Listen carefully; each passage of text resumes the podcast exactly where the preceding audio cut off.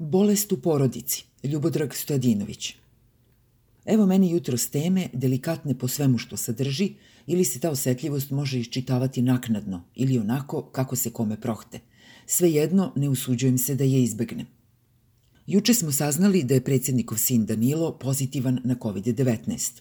Ima mnogo obolelih, on je jedan od njih, mada je taj slučaj posebno osetljiv i značajan iz mnogo razloga.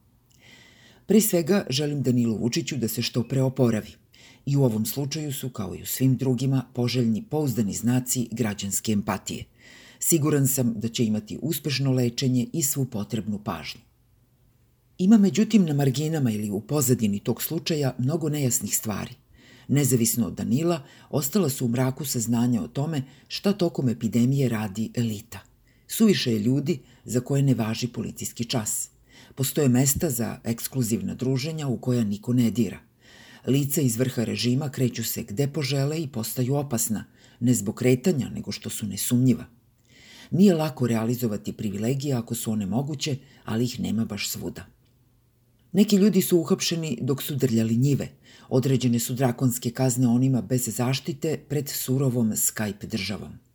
Futbaleri i folk pevači su dobili nanogice dok sve ovo ne prođe, a neka jadna starica je platila 50.000 dinara jer je malo zalutala. Disciplina je suština ove opasne igre. Poštovanje pravila, oduzimanje prava mimo ustava, najava mera koje su gore od najgorih. Nad svakim od nas dreždi Orvelov čuvar istine i pazi da ne izađemo iz svojih domova pretvorenih u tamnice – Predsednik SNS-a i premijerka su prvi utarivači discipline nad više od 6 miliona ljudi i njihovi nastupi su sve uvredljiviji, a mi sve manje građani. Ima pripadnika ovakvog državnog krema kojima je predugo da čekaju kraj zaraze, pa hvataju od života sve što se može. Njima predsednik ne može ništa, niti to želi, jer su mu izvan vidnog polja. Pogled mu je usmeren ka dnu, a ne prema vrhu. On ne može ništa ni sebi, Ne testira se, ne ide u izolaciju. Redko nosi masku, svoju neurotsku hiperaktivnost neguje kao osobinu koja vodi Srbiju pravo u spas.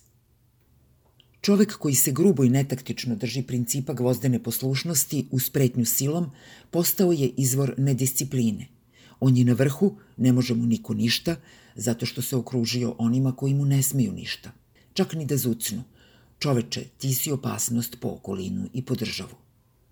Ne može se naći neposredna povezanost između njegove neodgovorne bahatosti i Danilove bolesti, niti između mogućeg privilegovanog hedonizma i masovnih kontakata odakle je možda stigao virus. To su osnovane sumnje i svako od njih valja proveriti, sve kontakte i kontakte kontakata svakoga od njih. Bez toga bi predsednik SNS-a morao odmah da začuti, zato što je sumnjiv na virus i zbog toga što više ne može da bude državni narednik zadužen za utvrđivanje građanskih zatvora i disciplinu. To što traži od svih nije uspeo kod sebe i bližnjih.